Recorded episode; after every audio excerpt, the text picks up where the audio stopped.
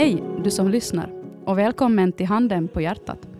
Jag heter Jeanette Östman och här pratar vi om sånt som ni lyssnare och läsare funderar på i fråga om sex och relationer, både till oss själva och till andra.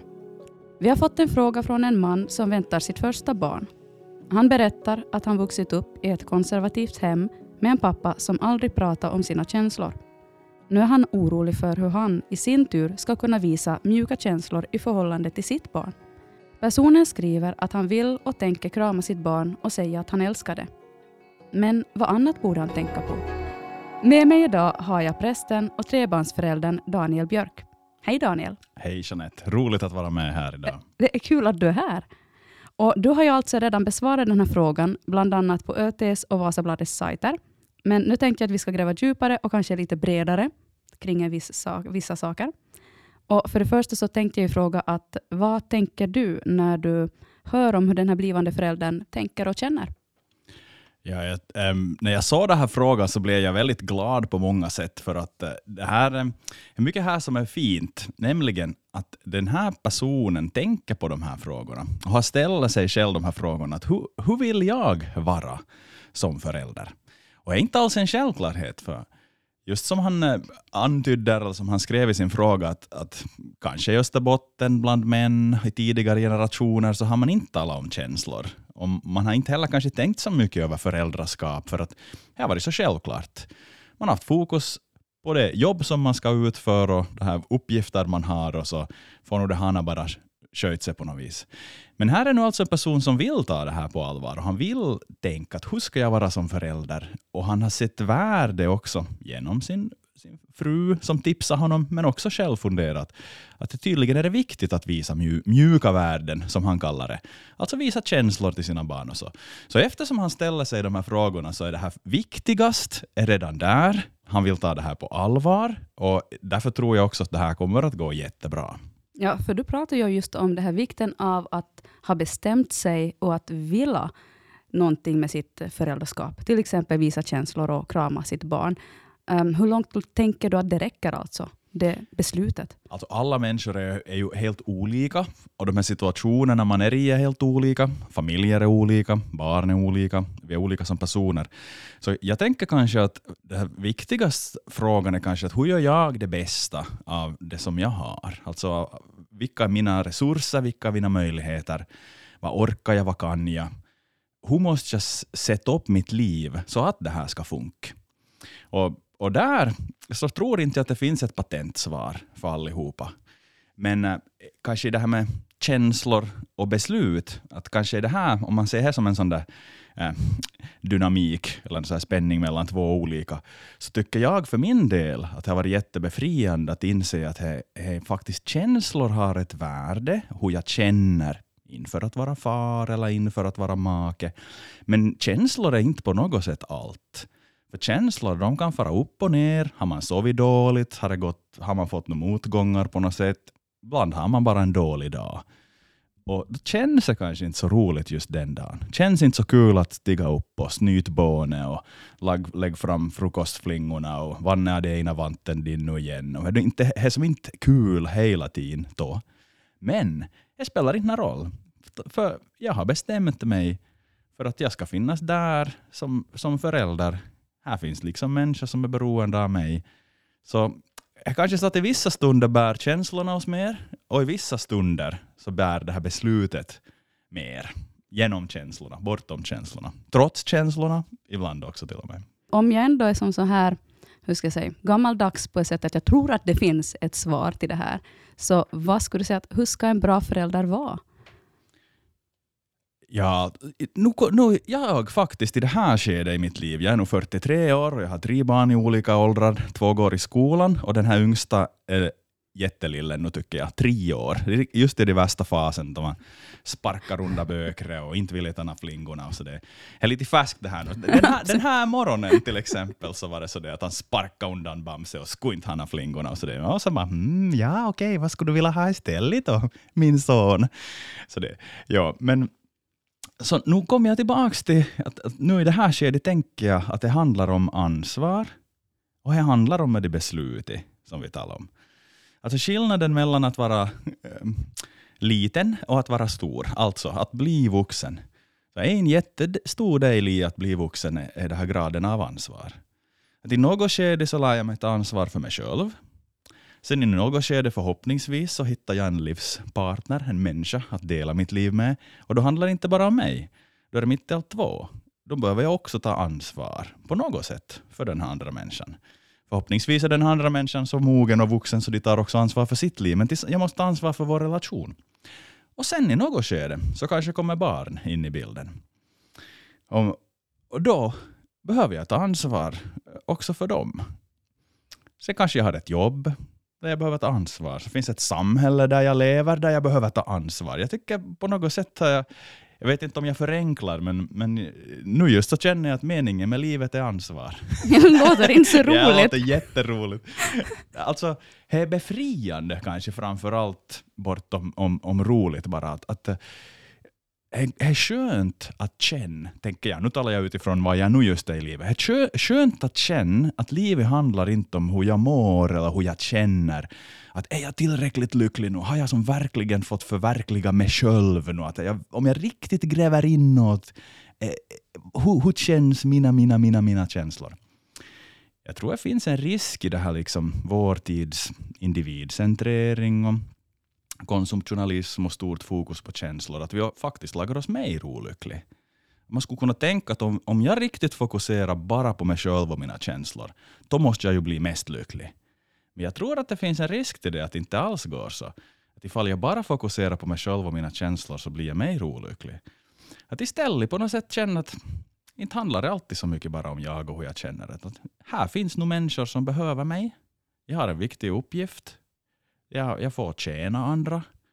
Mitt i allt så kommer lyckan bara, som mm. en slags biprodukt i det här när jag inte har fokus så mycket på mig själv. Och, och, finns till. och här är vi olika. Det här som jag nu säger är inte för alla. Vissa av er som lyssnar, ni kommer säkert att vara just sådana som tjänar för mycket och, och suddar ut er själva och bara ser andra. Och det här är inte till er. Mm. Men det finns vissa av oss andra som, som för vilka jag tror det här skulle kunna vara en befrielse att känna. Livet handlar inte bara om hur jag känner, utan det handlar om att jag finns till för människor mm. som, som är viktiga för mig och att jag tjänar dem och, och tar ansvar. Men det som jag tycker är en bra sak med just den här frågan är ju här att, att den här människan vill på något plan kunna tjäna eller ta hand om en annan individ genom att förstå sig själv lite bättre. Och också signalerar den här frågan här att han har kanske inte fått det som han själv vill ge vidare. Att vad har vi liksom vi har ju allihopa ett, ett arv på något sätt som bygger på hur vi har blivit till exempel behandlade som barn själva. Så vad tänker du, att hur stora är våra möjligheter liksom att röra oss förbi det som vi själv har varit med om, som vi inte vill ge vidare, för att sen kunna ge vidare det som vi kanske inte ens själv fick? Ja, jag tror att vi har stora möjligheter. Jag är på något sätt den, den tro och den tanke jag har att vi kan som människor förändras. Vi kan utvecklas, vi kan växa, vi kan bli större jag kan liksom tänka och agera annorlunda än vad jag gjorde för två år sedan. Det är på något sätt en sån tanke om människan som inte jag skulle vilja släppa. Att vi har, vi har potential, vi kan förändras. Vi är inte slavar eller bundna av det som har hänt mot oss eller det som vi själva har gjort tidigare.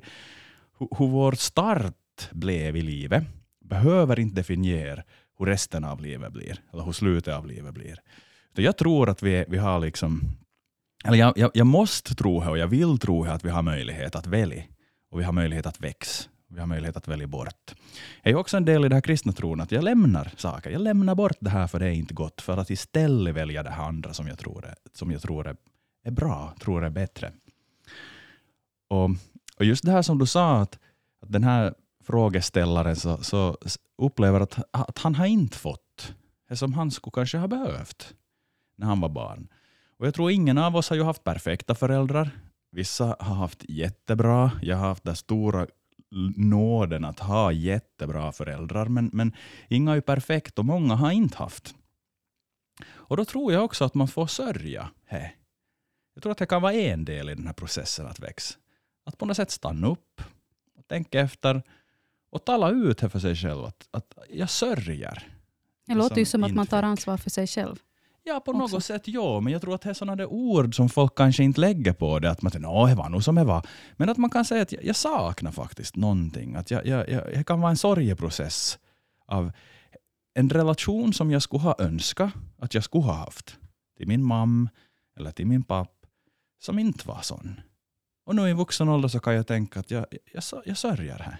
Man kan samtidigt vara tacksam för det som man hade. Det tar som inte ut varandra. Det finns vissa aspekter som man inte fick. Och här får man sörja.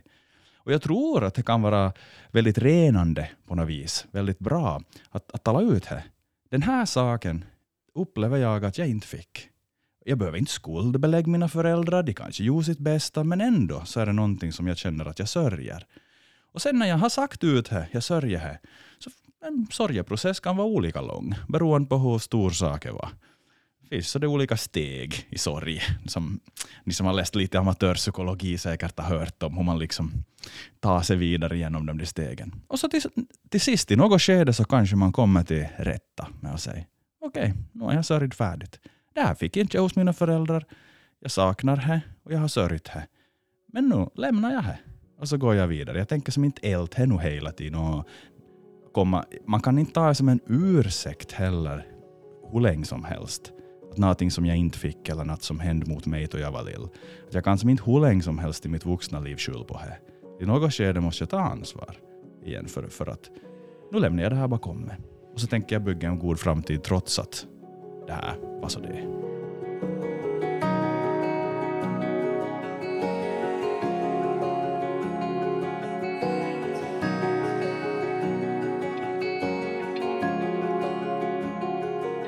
Alltså du säger att den här frågeställaren har tid att växa in i sin roll som pappa. Och han formuleringen tycker jag ju att också känns hoppingivande. Men å andra sidan så kan ju liksom det här bebisbubblan och småbarnsåren och åren med tonårsbarn, det kan vara en ohyggligt intensiv period i livet. Och då funderar jag liksom att hur ska vi lyckas få till ett sånt tillstånd av zen, att vi på något sätt förmår tänka att tid finns, om det är så att vardagen under någon period kanske upplevs som du är bara överlevnad minut för minut.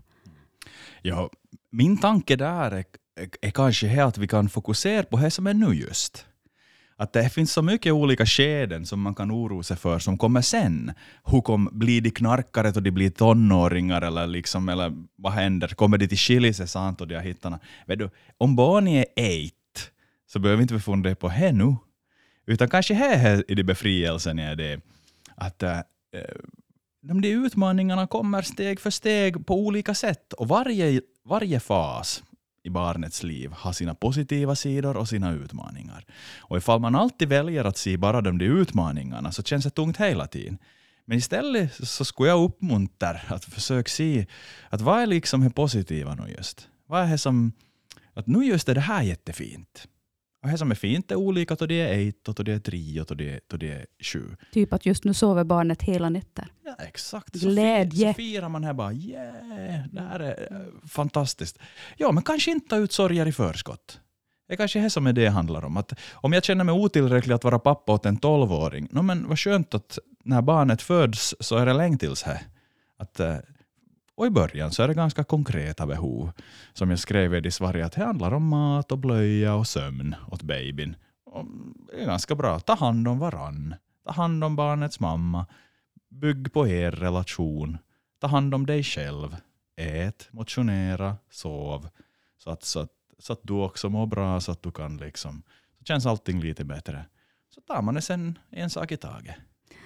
Särskilt som nybliven förälder så kan man ju ibland få höra att det här bebistiden är den bästa tiden i livet och att man ska komma ihåg att njuta.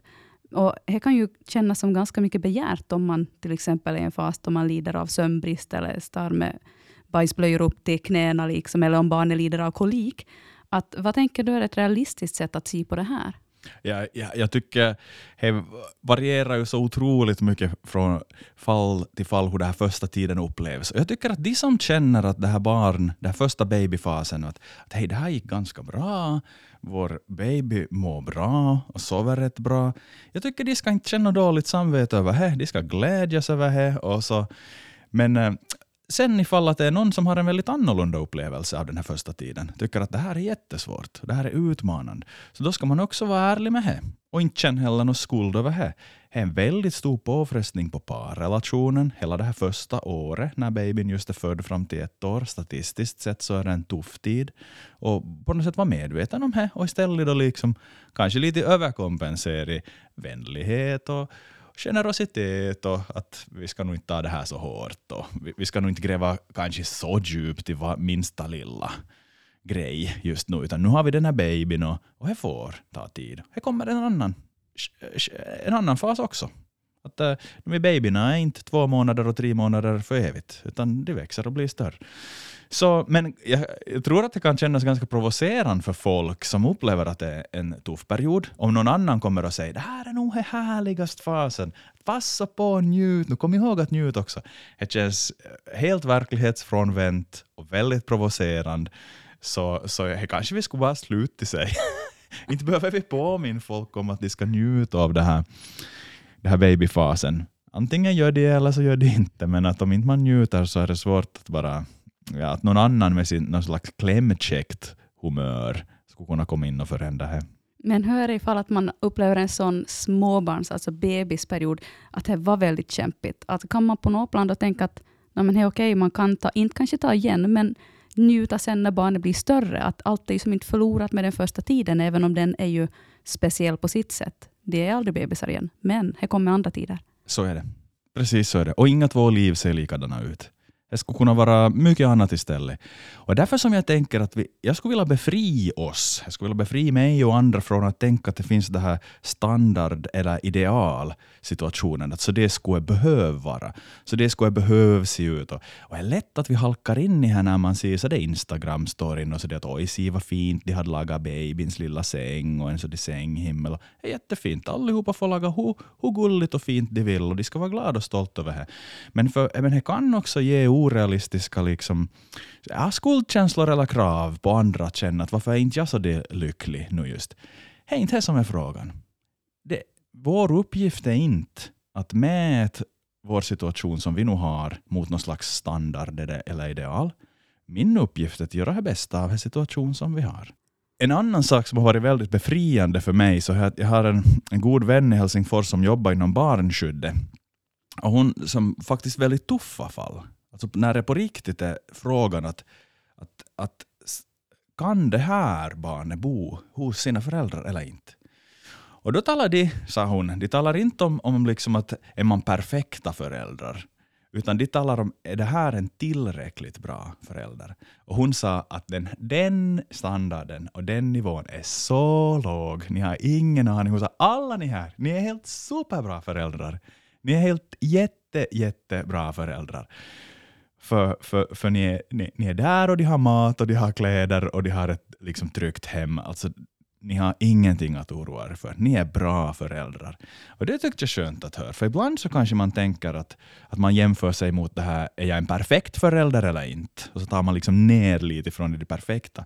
Men istället tänka att vad är som tillräckligt bra föräldraskap? Och så tänker man, nu är jag ju ganska mycket bättre än i det minimi kravi. Toi fa under minimi, då, då barnen inte mår bra eller då barnen far illa, en helt annan sak. Men hur ska man göra då? För jag menar, de som lyssnar på det här kan ju ha en massa olika erfarenheter och, och vissa kanske har eh, missbruksproblematik och ändå mm. vill vara en bra förälder, en tillräckligt bra förälder. Det finns ju lägen och det måste inte ens vara så extremt innan en förälder kan känna att jag har inte alla svaren. Jag behöver ha stöd utifrån. Nej, men frimodigt ta hjälp och he, he liksom stöd som samhället ändå ger och, och i alla fall koll så kan de då säga de som är professionella. För att när man är själv lite, man är lite inne i det, så har man lite kort, man är lite, man är lite närsynt, man har så det tunnelseende.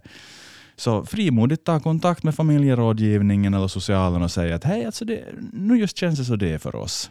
Och det behöver inte vara en så dramatisk sak. För då kanske de säger att okej, okay, no, det finns den här formen av stöd och den här formen, men att, men att det är inte så farligt. Det verkar som att det ändå är helt okej, okay, men vi kan checka upp om en tid igen. Så det, precis som du sa, att det måste inte vara som, så dramatiskt. Men ett, ett yttre ögonpar som hjälper till att se på det situationen, det kan vara jättenyttigt. Jag tycker inte vi ska vara rädda för.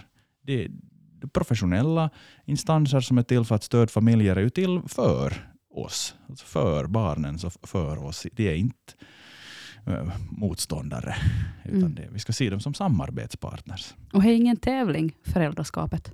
Är det inte?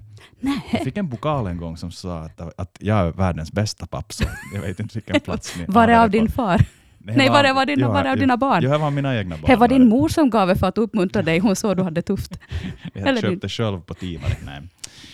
Så länge sedan.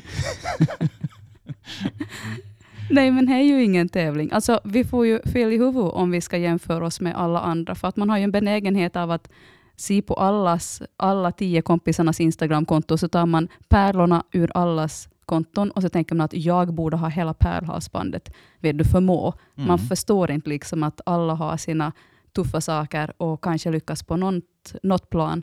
På samma sätt som man själv kan ha tungt på vissa saker, men sen så lyckas man väldigt bra på andra områden. Ja, det med, med sociala medier som är så provocerande, eller vad ska vi säga, eller som gör det så svårt, är att det här är inget som sker medvetet. Det är inte så det att när jag ser på tio av mina kompisars Instagram eller Facebook så tänker jag aha, nu ska jag jämföra mig med gymresultat för den, jag ska jämföra mig med bil med den, jag ska jämföra mig med heminredning med den och jag ska jämföra mig med senaste Thailandresan med den. Utan det här är någonting som vår hjärna omedvetet skapar en bild av vad som är normalt och hur jag borde vara och var jag förhåller mig i förhållande till det här normala eller det här hur jag borde vara eller hur alla andra har det. Och Jag tycker det är intressant, jag vet inte om de har forskat bland vuxna, men bland ungdomar så gjorde ju en studie att hur eh, hör det ihop det här mängden sociala medier som man använder, konsumerar per dag, antal timmar. Hur många timmar är jag på så med? Och hur stor eh, anlag eller hur stor risk att jag har psykisk ohälsa. Att jag på något sätt känner depression eller ångest eller missnöje över mig själv, missnöje över mitt liv. Och föga förvånande så var det ett otroligt tydligt samband. Det här var särskilt bland unga tjejer, så det slutade alltså sexan, sjuan uppåt, så var det om du var en timme, två timmar, tre timmar, fyra timmar på SOME per dag, så följde det kurvo, alltså hur sannolikt att du har psykisk ohälsa, följde exakt det här. Liksom. Så vad som då är orsak och verkan, liksom, vad som beror av vad, men jag tycker eh, ehm, det är ett jätteintressant um, det är en jätteintressant iakttagelse som gäller det här att ju mer sociala medier vi konsumerar, desto mer olyckliga tenderar vi att bli. Det här gäller ju aldrig, statistik gäller ju aldrig individen rakt av. Det kan finnas människor som helt bryter den här mallen, men tar du hundra unga människor och ser hur de konsumerar media, sociala medier, så ser du ett tydligt samband.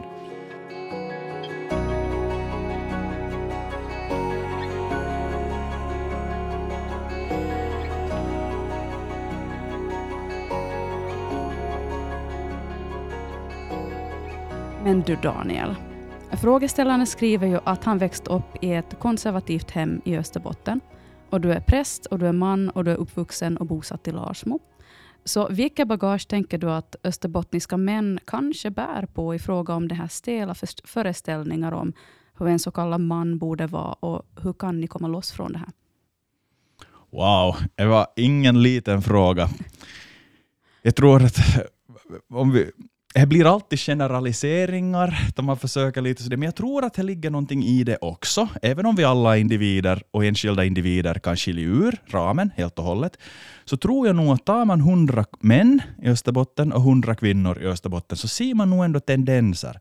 Att kanske fler, om du tar hundra karlar, så flera av dem känner så det spontant att de, de, de är mer intresserade av teknik och ingenjörsproblem och att uppnå bedrifter utanför samhället. Och liksom, Utanför samhället? Nah, Utanför u- familjen? Utanför familjen i samhället. I Mm. samhället, ja precis. Att, äh, att man på något sätt dit som är det fokus mera så det naturligt går. Medan kanske bland då, om du tar då 100 kvinnor, så kanske lite flera bland dem lite spontant känner att mer dragning mot det här att, att människor är viktiga, relationer är viktiga, att, att ha ett gott samtal med en vän är viktigt, att vårda människor som behöver det, att ta hänsyn till äldre, att, att, att sköta barn.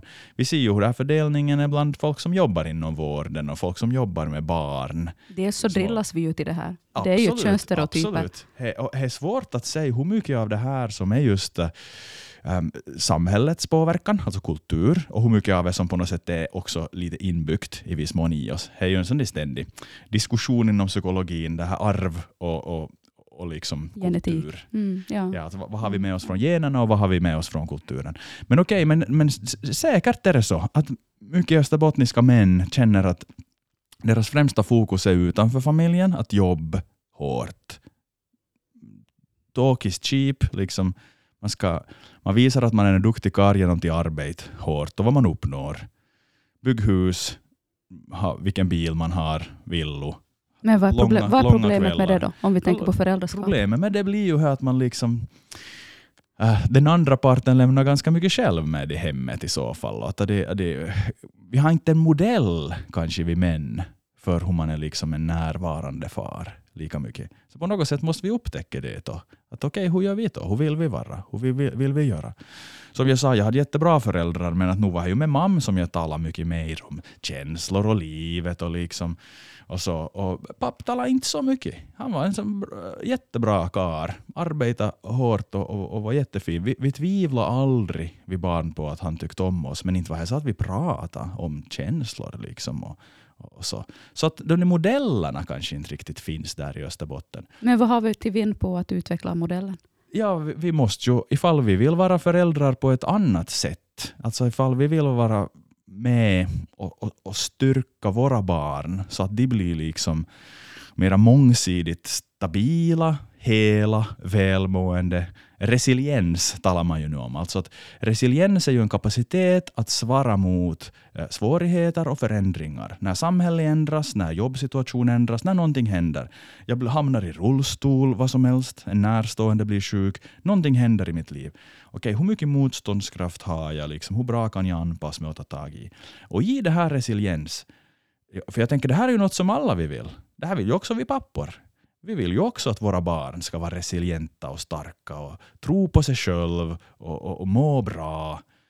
Ehm, behandla andra empatiskt och generöst och vara stabil. Liksom. Alltså de, som må, de, de, som bråkar minst med andra är ju de som själv mår rätt så bra. Alltså. Vi vill ju att våra barn ska må bra. Och då behöver också vi pappor vis hur vi kan eller vi måste hitta modeller och sätt på hur vi kan stödja våra barn att bli empatiska, medkännande, eh, själv, ha självförtroende, känna att det räcker till, känna att det är bra och värdefull utan att de behöver trycka ner någon annan för det. Liksom också ha redskap för att ta sig an det som livet för med sig. Vilket också innefattar att hantera känslor. Jag tänkte precis säga det, att ja. vad har känslorna för roll i det? Förmågan att kunna prata om känslor. Ja, alltså, att prata om känslor är ett bra sätt att bli bättre på känslor. Det är inte det enda. Man kan också liksom meditera själv eller läsa några bra böcker eller liksom, liksom lära av andra på olika sätt. Men absolut, att jag är bättre på att förstå mina känslor och att kunna hantera mina känslor när det kommer motgångar är en jätteviktig del av att vara människa, att vara vuxen, så att jag kan ta ansvar. Ifall att mitt liv är skört, så att jag känner att jag, jag är ganska tunn som människa, så att om minsta lilla motgång kommer så har inte jag något redskap. Då reagerar jag antingen genom aggressivitet eller genom missbruk, liksom någon slags substanser av något slag. Det är det här klassiska, lite klichéaktiga sättet hur man beskriver det här finske mannens förhållande till sina känslor. Jag vet inte hur sant det är, men man brukar ju säga så att åtminstone ska man inte klaga. Man ska sup eller ta livet av sig, men åtminstone ska man inte pipa med åt någon. Man ska inte klaga i alla fall. Och det är ju liksom en ganska så det ha ha ha, så det är den finske mannen. Och det är ju inte resiliens. Nej, det låter ju väldigt hårt och bräckligt. Ja, verkligen. Det är ju en skör man som agerar på det viset. Som inte kan ta motgångar på något konstruktivt sätt eller som inte, kan ha red, som inte har redskap inuti sig att hantera det som livet för med sig när det inte går som jag hade tänkt. Så absolut, så stor fråga som du ställer Jeanette, men jag tror att vi män behöver också visa åt våra barn, åt våra söner, hur man, hur man har eh, hur man hanterar känslor på ett konstruktivt och bra sätt. Och det innefattar att tala om dem. Sätta ord på dem är kanske första steget. Att, att man redan när barnen är små ska säga att nu, nu är du arg. Och så sen liksom, att nu, eh, jag ser, att du, jag ser att du blev ledsen. Liksom att man får som ens ord på de här känslorna är som ett bra första steg. Sen kan man fundera, okay, hur gör man då när man är arg? Hur gör man då när man är ledsen? Hur gör man då när man vill slå kaveri i huvudet med en spada? Men ändå inte ska göra Ändå inte ska göra det. Så ja, det här skulle man kunna tala mycket mer om. Men mm. det här är en viktig del av föräldraskap och jag tror jag har ingen statistik på det, men jag tror att kanske österbottniska män överlag av tradition från förr inte har varit så jättebra på det här. Att kunna sätta ord på känslor och kunna hantera känslor konstruktivt. Och sen har det ändå alltid funnits undantagen.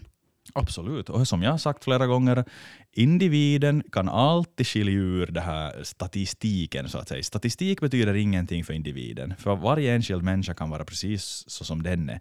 Men man ser ändå kanske vissa tendenser om man ser på större befolkningsunderlag. Att tar man en grupp av människor så kan man ändå, man kan ändå se en tendens. kanske. Men det, det tycker jag vi ska ändra på. Jag tycker att eh, en av de bästa sakerna med Österbotten som samhälle, så säger man ju är det här resiliens. Att vi har företagsamhet och vi har små och mellanstora företag. När samhället ändras, när ekonomin ändras, så, så, så, så följer vi med. Och, och, vi har liksom en förmåga att anpassa oss. Och vi, vi, vi är ett starkt samhälle på många sätt. Och Det tycker jag också vi ska ta in i, mera i familjerna och individerna och, och i, i, våra barn. Att också göra våra barn mer resilienta och starka genom att de blir bättre på att förstå känslor och hantera känslor. I ett jordbrukssamhälle där alla jobbar ganska mycket för sig själv, så då var det ju så ofta att man, det var okej okay att bita ihop och vara tyst och arbeta hårt. Men idag, mig och mig, så tror jag att vi behöver bli ännu bättre på att se varandra och förstå varandra och hitta vägar vidare när vi tycker olika. Du skriver ju att i Bibeln så har kärleken inte så mycket med känslor att göra, utan kärlek är något som vi visar varandra genom ord och handling.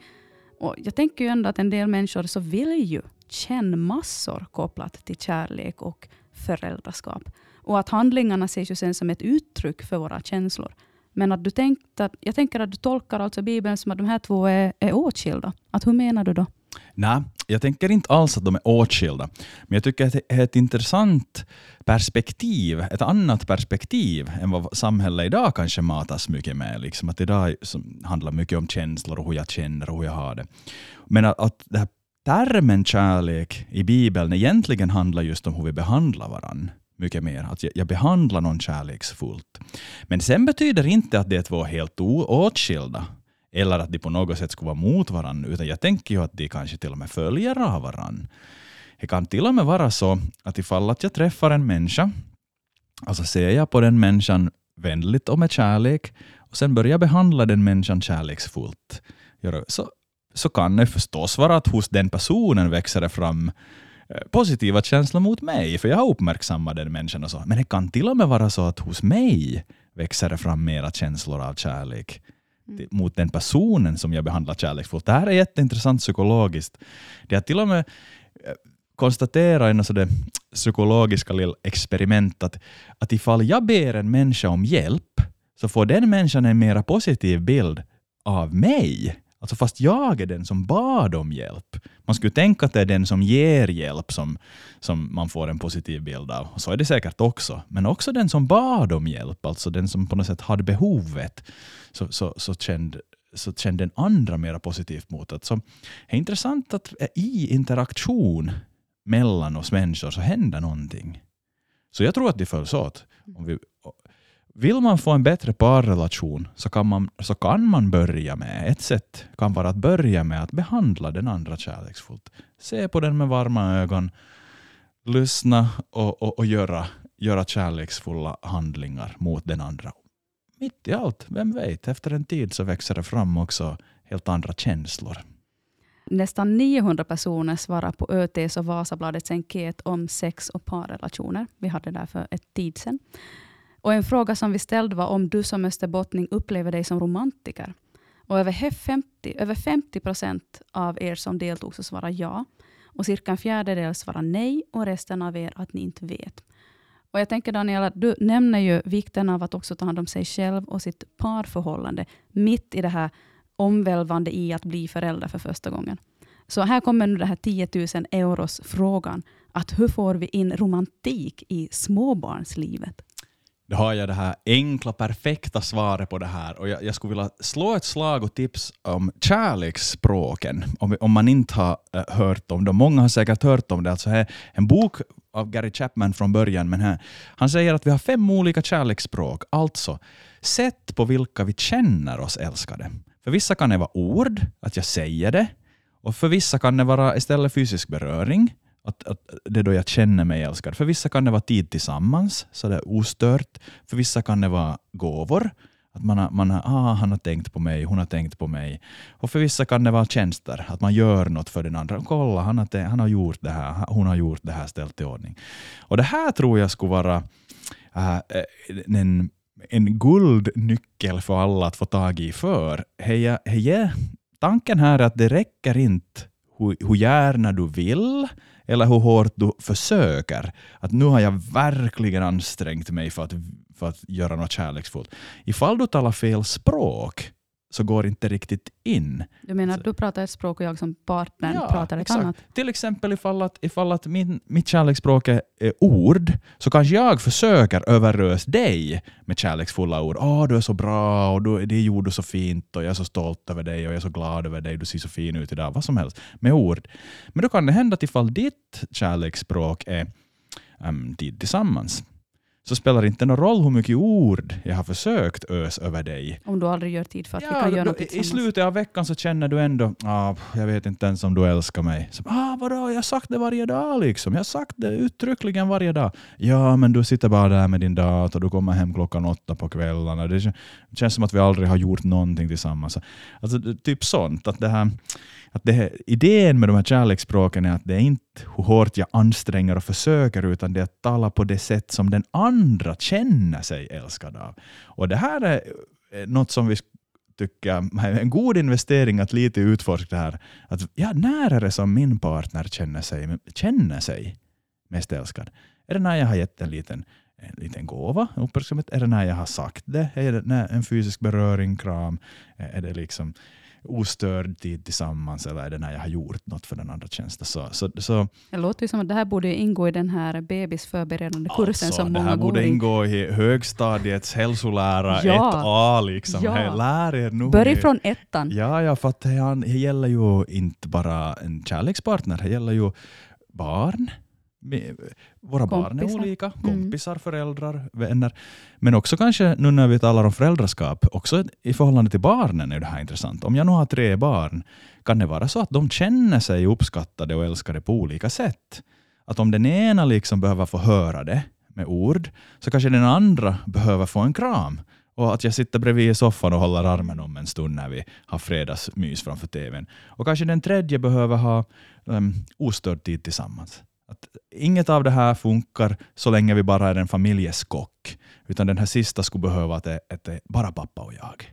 Jag och pappa får fisk, eller jag och pappa får till stan. Jag och pappa får byta olja på bilen, vad som helst. Men det var bara vi två. Men det där är ju, om man pratar om barn så är ju det där svårt för kanske barn att tydligt artikulera, om det är en ung ålder. Men om man är förälder och kanske avsätter lite tid att vara tillsammans med sina barn, så kanske man märker vad det är som funkar med vilket barn. Exakt, ja. När det är större kan de kanske säga, de här barnen, men jag tror att när de är små, jag tror att föräldrar småningom märker, inte när de är riktigt små, men så småningom så ser man att ja, den här är lite tystlåtnare, men tycker om att han får en kram. Och den här, hon tycker om att vi gör något bara på tumis. Jag tror att föräldrarna nog småningom, liksom. och så ser man vem som ger gåvor och vem som får gåvor, att den här tycks vara just gåvor. Att för den här, inte för de andra två så mycket, men för den här, jätteviktigt. En liten sak, någonting man hade med sig från resan. någonting.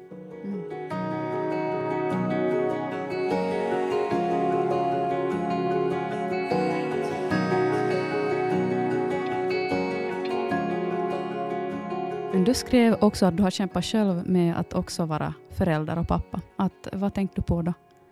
Jag tycker att som förälder så känner jag mig ofta otillräcklig. Jag känner mig ofta stressad. Jag känner att jag har ehm, mycket att tänka på. Jag tänker att det- stör mig mycket när barnen roddar och de har sina behov och de har glömt sina grejer. Alltså det är ett konstant myller av detaljer och min hjärna är inte gjord för det. Jag tror här är vi också olika. Min fru är fantastiskt bra på att se detaljer och kom, försöka fixa så att, så att allting koms ihåg och att van, de har vantar i rätt storlek och de har liksom det som behövs till skolan och så det. Och jag känner att jag blir, det här är nog min personliga upplevelse, andra har olika, att det här är min utmaning. Jag känner mig överbelastad känner mig liksom att hjärnan, hjärnan spricker lite. Jag får inte plats med allt det här. Och då blir jag lite irriterad och stressad. Och sådär. För att det handlar om att du inte har kontroll kanske? Ja, handlar för, jag skulle säga för mig så känns det att, att, att, känns som att jag inte räcker till. Mm. Jag kan inte. Jag är inte tillräckligt bra, tycker jag. Och det är en så det är tråkig känsla att ha. Mm. Men, som vi har talat om tidigare idag, så får man ibland då ändå tänka att kanske jag ändå är tillräckligt bra. Och, som kanske är min huvudpoäng med det här föräldraskapet. Min uppgift är inte att vara perfekt, min uppgift är att göra det bästa utifrån de förutsättningar som är. Som, som vi har, de barn som jag har och den som jag är och, och mitt, min livssituation. Mitt, min uppgift är inte att jämföra mig med hur någon annan är. Min uppgift är att göra det bästa av, av det som vi har. Men det där är ju jättesvårt, för att vi söker ju också stöd och råd och tips av att se runt omkring oss, och särskilt med andra som har kanske barn i samma ålder, för att man söker sin väg och man, man undrar hur ska jag förhålla mig till de här olika skärmtider eller what något utekläder eller någonting. Så att jag menar på något plan behöver vi ju få spegla oss i andra för att dels känna igen oss och dels kanske få inspiration eller tips. Samtidigt som risken då finns att vi blir helt bara sönderstressade för att vi känner att vi når inte upp till det som vi tror att de andra når upp till. Här är vi inne på någonting jätteviktigt. Jag tror det här, här är en nyckel. Att vi skulle, det är två saker som vi skulle behöva hålla isär här. För jag tror absolut så vi kan vi se på andra, vi talar med andra, vi får tips av andra och det ska vi göra. Liksom, aj, det här är en bra halar, hur har ni gjort med skärmtid hos er? Absolut, det är bra tips. Men sen det andra som vi ska hålla isär, det är just den här känslan av otillräcklighet eller känslan av att jag inte är tillräckligt bra eller, eller, att, eller känslan av att, att jag skulle behöva eller jag skulle också behöva göra si eller så. Aj, de det är ju så, jag skulle också behöva. Här skulle jag vilja befria oss allihop och bara kapa av de känslan av att jag skulle behöva säga bara no, de det gör så det utifrån sina förutsättningar. Det betyder inte att vi måste göra så det utifrån våra förutsättningar. Så att, att Praktiska konkreta tips, absolut. Dammsug världen på de bästa lifehacksen liksom för att få familjelivet att funka. Men känn ingen press alls att du skulle måste göra någonting av det. Vad tror du om det att skulle föräldraskapet kunna kännas lättare och kanske mindre utmanande tungt om vi som föräldrar också förmår se alla de här små sakerna där vi lyckas med, som att vara förälder enligt våra egna föreställningar och målbilder. Att man inte bara ser bristerna utan också ser var man lyckas. Absolut, det tror jag är en nyckel. Alltså det här kan vara ett av svaren på det här som vi funderar på. För, för min känsla då, som, av att jag är otillräcklig och känner mig stressad av det här. Så faktiskt är intressant, det har konstaterat också lite igen i psykologin, att du kan inte känna dig tacksam och stressad samtidigt att de känslorna tar lite ut varann.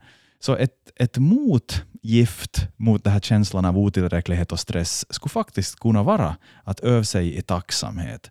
Alltså, lite som du var in på, att se att men här har jag ändå lyckats och det här går ganska bra. Nu just har vi några problem med det här. Ingen gråter just Ingen nu. Ingen gråter. Och för ett halvår sedan så hade ena barn problem med det här, men inte någon av mig. Mm. Att, att, absolut fira de, de små segrarna men och öva sig i tacksamhet. Jag tror att det är något vi kan träna oss i. alltså. Uh, vi har ibland som människor en tendens att se det som inte är bra och det som är otillräckligt. Jag tror tyvärr att biologin kämpar emot oss här, för att biologin, alltså din hjärna är inte gjord för att göra dig lycklig. Alltså din hjärna vill inte att du ska känna dig lycklig. Min hjärna vill att jag ska överleva. Ja. Och, och se kanske faror och brister. Du, du har måste... större uh, genom evolutionen har vi haft större överlevnadschans om vi har varit lite vaksam och missnöjd och orolig. För en missnöje har gjort att vi har jobbat framåt och en orolighet och vaksamhet har gjort att vi har reagerat en halv sekund snabbare på det prasslig i busken som kan vara en tiger än vad det det som inte längre finns hos oss. Alltså det här släktledet som försvann när det prasslade i busken och tigern kom. Så, så det har gjort att vi är lite rastlösa, och vi är lite oroliga och vi är lite missnöjda. Vi är inte tillfreds. Och det ska vi bara ta med oss och bara hej, vet du vad, biologin, hjärnan, nu försöker du lura mig att vara missnöjd, men egentligen kanske mitt liv är ganska bra. Och egentligen finns det kanske saker idag som jag har att jag har mycket saker att vara tacksam för idag. Och då tror jag vi kan träna oss, för det finns också, de talar om hjärnans plasticitet, alltså att hjärnan är formbar. Det är som att man kan tänka som att man trampar upp stigar. Går du på samma ställe på gräsmattan eller i skogen många gånger så blir det en stig till sist. Och det kan vi också göra i våra tankar.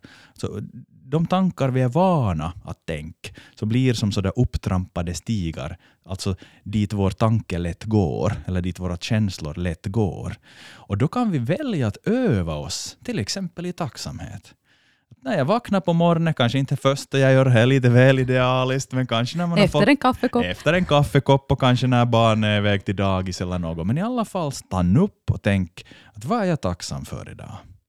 Att jag liksom styr mina tankar dit och väljer mig att börja se det som jag är glad och tacksam. Smått eller stort. Det kan vara hur enkla grejer som helst. Jag lovar att vi varje dag har massor av saker som vi kan vara tacksamma för. Särskilt om vi ser de här små grejerna också. Tack för det här kaffekoppet. Tack för att jag hittade båda stövlarna idag för barnen. Tack för att liksom ingen är snurrig nu just. Och, och så, tack för att faffa mår bättre eller någonting liksom. Och så, så, så får vi in en, en en attityd av tacksamhet att, att leva i. Och som jag, som jag nämnde, det verkar som att tacksamhet och stress inte kan finnas riktigt samtidigt. Alltså om jag istället fyller mitt sinne med tacksamhet så får på något sätt ryms inte känslan av stress. Jag kanske har lika mycket saker att göra, men jag känner inte på samma sätt stress. Jag känner istället frid och tacksamhet. Alltså det, där, det är ju värt att försöka. Ja, att testa. Jag, jag, vet inte vad den här värsta bieffekten skulle kunna vara av att Övertacksamhet. Ja, jag, mm. Är nog en för tacksam människa. Mm. Allt för nöjd med sitt liv. Och glad, glad över sig själv. Så, sånt tycker vi inte om i Österbotten. Vi kommer in på något helt, helt annat om jantelagen och här får vi ta ett annat, annat program tror jag.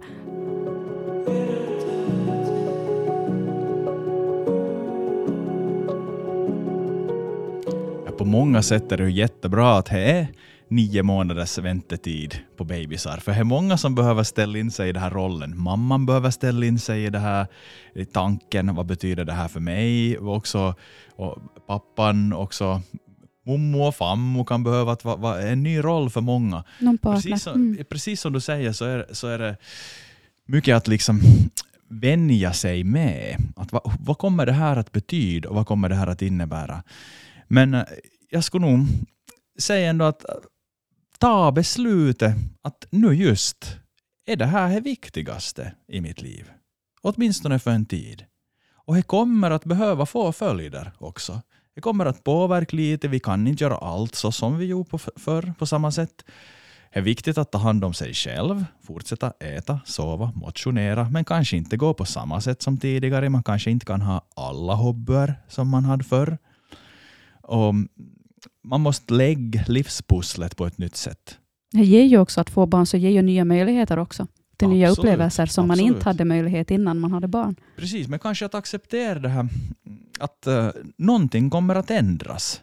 Att jag tror att det här är en utmaning för många unga idag. Som, att det är svårt att tänka sig att, att när livet har handlat så mycket om mig själv innan jag får barn, för många, så, så känns det svårt att tänka att jag skulle måste avstå från någonting. Men precis som du sa, så är det. Att vissa andra saker kommer till istället. Men att acceptera att, att, att besluta sig, det här är det viktigaste just nu.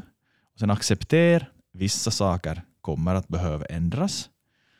Och sen känn frid i att den här uppgiften är gjord för människor. Den är lagom stor för att eh, våra förfäder i tusentals år före oss har gått in i den här uppgiften och de har klarat det. De har anpassat sig, de har lärt sig, de har fått stöd av andra, de har växt med sin uppgift. Och, och det har gått bra. Är därför som vi är här idag. Och det kommer att gå bra också, också för dig.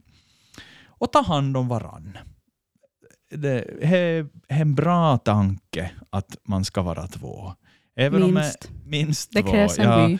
Verkligen. Ja. Jag, jag, jag tror att familjer genom historien har ju varit mycket större. Eh, är det här, det här tanken att det är två personer endast, det här kärnfamiljstänket är ganska nytt om man ser på mänsklig historia. Det är ju egentligen efter kriget, liksom, alltså, det är som från mitten av 1900-talet. På tal om bräckligt. På tal om bräckligt, ja. Mm. Alltid tidigare har det varit större sammanhang med någon gammal fastar och någon gammal mommo och någon, någon, någon kusin och någon som var ogift och någon som bodde nära. Och, alltså, det, var, det, var liksom, det var på ett annat sätt. Man hörde ihop med andra på ett sätt. Så. Jag, jag lyssnar på dig och hör dig säga att var inte rädd för att sträcka ut en hand och vara fler Ja, som ser till det här barnets bästa. verkligen. Och jag tycker det är roligt att se att många söker sådana lösningar idag också. Eller åtminstone fundera på dem. Att hej, kan vi bo nära vänner? Kan vi liksom kan vi till och med ja, lägga vårt liv så utifrån barnens bästa, så till och med med var vi bor och så det, att de ska ha kompisar och, och, och skola nära och så det. Och det, det tror jag är ganska naturligt att man tänker. Men, men också, mm, och som sagt, ta hand om varann. Jag tror det här det är svårt och det går på många olika sätt. Ibland så växer barn upp med en förälder och det blir helt jättebra. Absolut.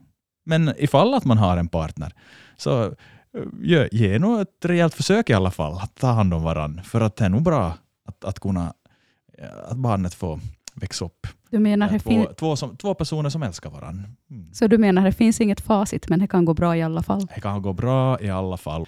Det här om vad som är normalt och så kallat så att säga inte normalt, så det är en, en, också en intressant fråga. Som vi får återkomma till en annan gång. Ja, tänker jag. verkligen. Och, och, men jag tänker att om vi tänker utifrån barnens bästa, att de ska må bra, så då finns det väldigt många olika sätt som funkar. Barn är väldigt flexibla.